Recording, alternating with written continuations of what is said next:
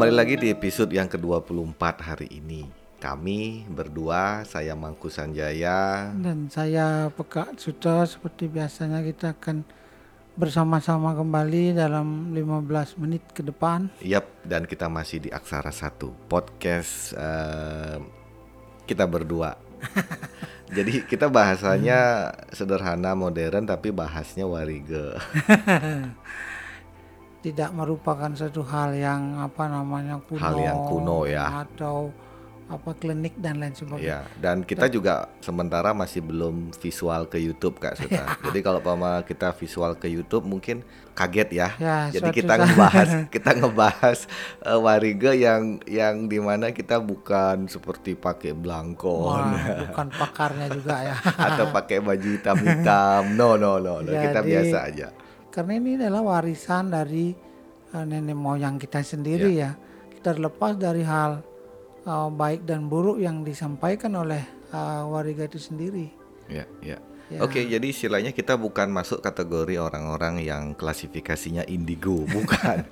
Kita hanya kita hanya orang-orang yang standar bisa membaca, bisa me- berbicara, Ya. bisa mendengar dan sebagainya. Jadi kita orang normal, bukan paranormal. Bukan orang-orang yang ingin meraih apa Ya. popularitas dengan apa menyampaikan informasi-informasi sehingga menimbulkan apa namanya eh, mindset atau pikiran-pikiran klinik ya yang tertanam di dalam pikiran masyarakat. Ya, jadi kita kembali lagi di episode yang ke-24 ini Kak Suta. Melanjutkan kembali podcast kita mengumpulkan wuku. Kita berada di wuku mendangkungan saat ini Karena hari hari Minggu kemarin kita berada Ya. di wuku Tambir.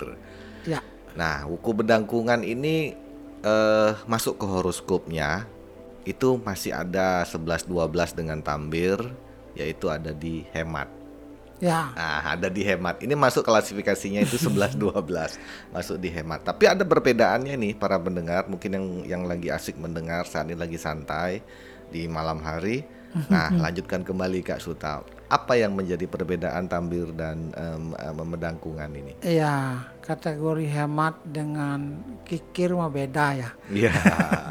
betul betul. Jadi orang hemat artinya begini. Kalau dalam hukum mendangkungan ada dari beberapa sumber yang pernah saya baca, hemat dalam hal ini adalah bukan hemat hanya dalam bentuk materi ya. Hmm, hmm. Mungkin dalam hal bekerja.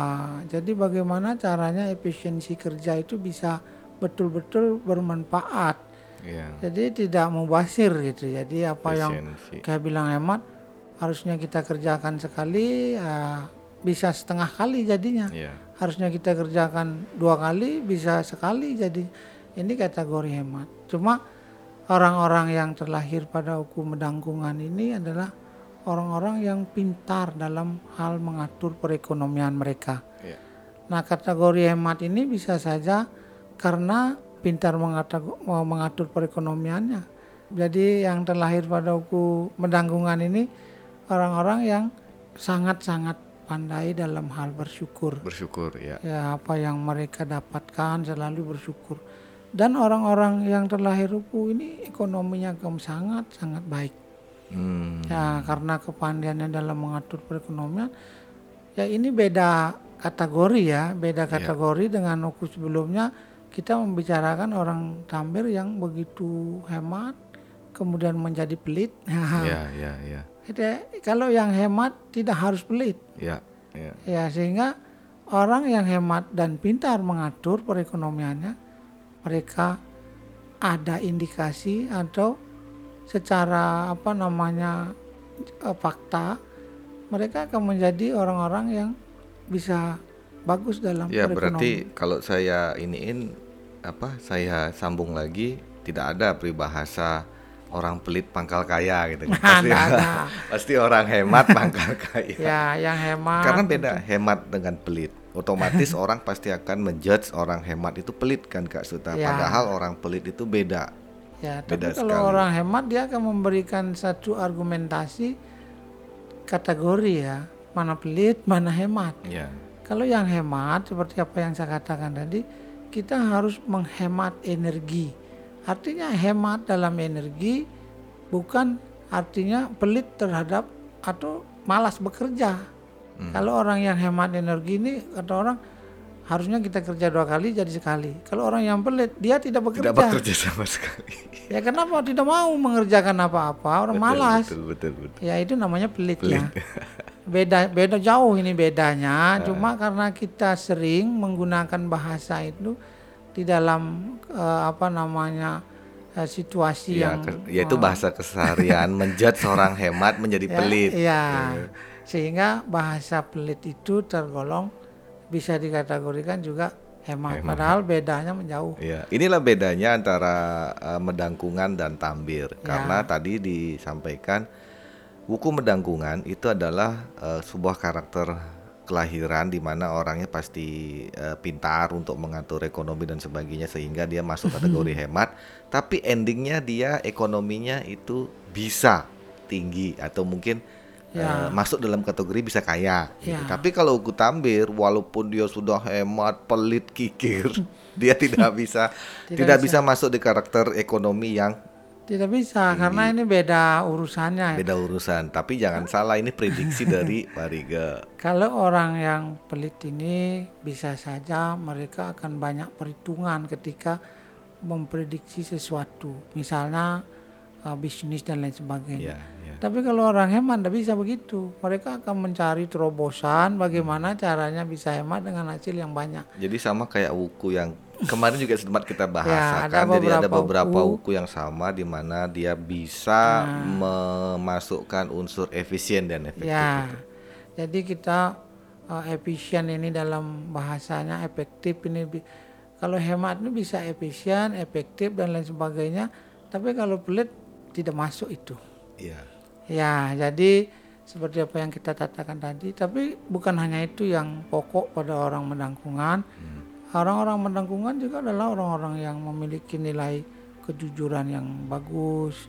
Kemudian mereka juga artinya eh, pandai bersosialisasi. Mereka pandai dalam hal hubungan terhadap sesama. Sehingga mereka bisa menjadi apa namanya kalaupun suatu saat mereka terpilih sebagai seorang pemimpin, mereka akan menjadi pemimpin yang baik. Tapi kalau menurut kacamata saya Kak Suta di buku Medangkungan ini eh, beberapa jenis eh, karakter yang saya garis bawahi itu adalah yang paling sering mengomentari orang lain.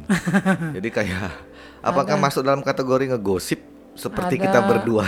Ada beberapa ini tidak gosip ya, artinya Mengomentari itu maksudnya gimana? ada beberapa sumber yang pernah juga kita baca melalui eh, horoskop apa namanya sumber Jawa yang menyebutkan bahwa orang-orang yang terlahir pada hukuman medangkungan ini terkadang mereka itu eh, apa namanya suka eh, istilahnya apa namanya eh, iseng artinya eh, komen suka mem- membuat apa ketika sesuatu itu tidak mau cocok dalam pikiran mereka Ya, tidak ya, sesuai dengan apa yang mereka pikirkan. Jadi mereka suka membuat satu opini bahwa atau untuk mengomentari perilaku orang lain. Ya, ya.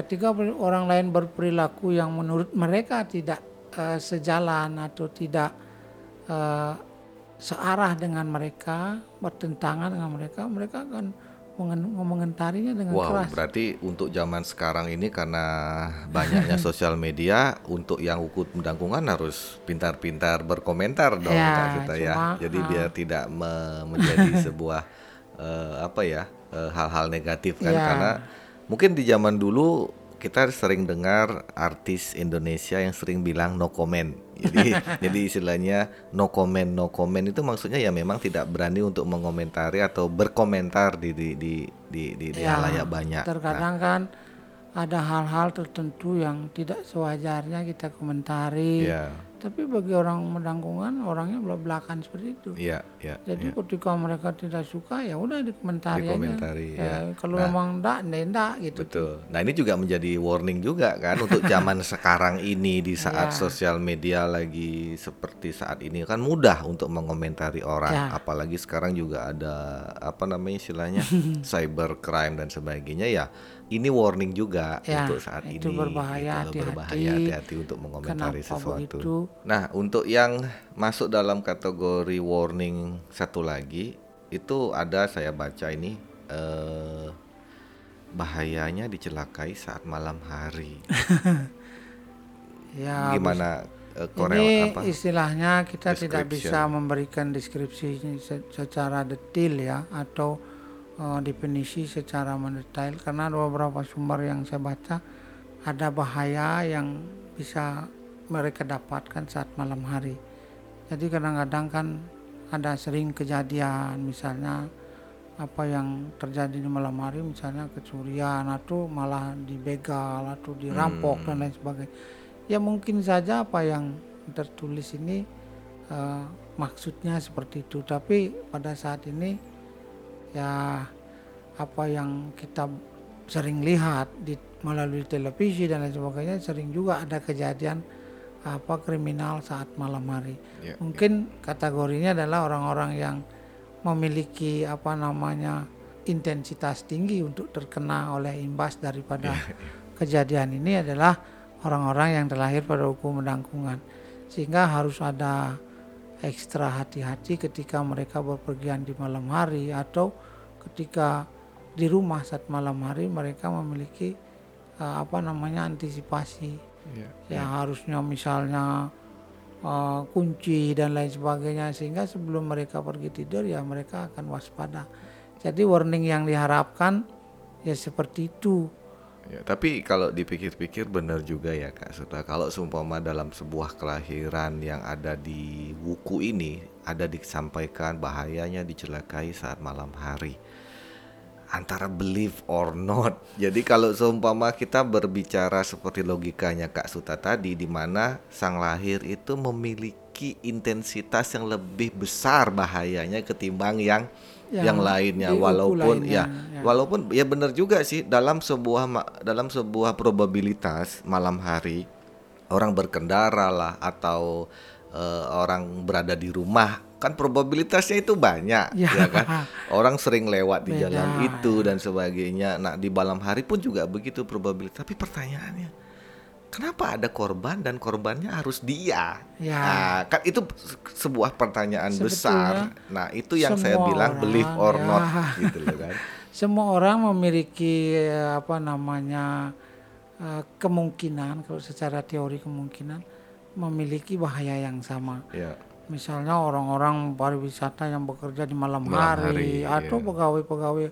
lainnya yang bekerja di malam hari. Nah ini eh, ketika mereka tidak terlahir pada hukum tanggungan atau tidak memiliki hari naas pada hari malam hari, tidak ada mereka walaupun mereka di tengah hutan atau mereka berjalan di kubur dan lain sebagainya, tidak ada bahaya yang bisa mendekat kepada mereka. Iya, kadang-kadang kita sering mendengar bantahan-bantahan seperti ini dalam sebuah Ya. tulisan Wariga ya, di mana orang-orang yang dia mengkategorikan tulisan ini adalah dengan eh, percaya tidak percaya. Jadi Ya. wah don't believe that, maksudnya bla bla bla dan sebagainya. Ya silakan, tapi secara logika yang disampaikan Kak Suta tadi itu masuk akal karena sering kita mendengar di mana orang selalu bilang orang yang berada di waktu yang tepat Ya. ya kan eh, istilahnya momen yang tepat itu dia akan jadi baik. Tapi kalau ada orang yang berada di waktu yang salah, Ah, ya. ya kan, keadaan yang salah dia pasti akan kena. Nah, inilah ada di Ya. hitungan wariga karena Itu wariga itu perhitungan waktu detik demi detik Ya, gitu. seperti itu tadi.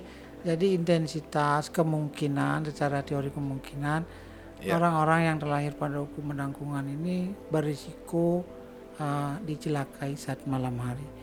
Iya, Mungkin saja mereka yang lahir pada hukum mendangkungan ini punya aktivitas saat malam hari, jadi ya mereka mesti ekstra hati-hati. Iya. Jadi benar juga ya kalau pama difilmkan kan. Jadi kalau semua difilmkan kan Ya, bisa masuk akal ya. Bisa juga. Jadi istilahnya pada saat sang lahir wuku di mana aturannya itu sudah jelas setiap manusia yang lahir dunia ini waktunya sudah jalan tik jadi Ya. istilahnya detik demi detik ya probabilitas itu jalan Ya, betul jadi itu tadi kembali kepada eh, kejadian atau eh, alam ya. alam Jadi kita hanya membahasakan apa yang leluhur kita tulis. ya, ya. Jadi saya selaku pribadi seperti apa yang saya sampaikan di awal tadi, mohon maaf jika ada memang yang kurang sesuai dengan apa yang di- mereka alami.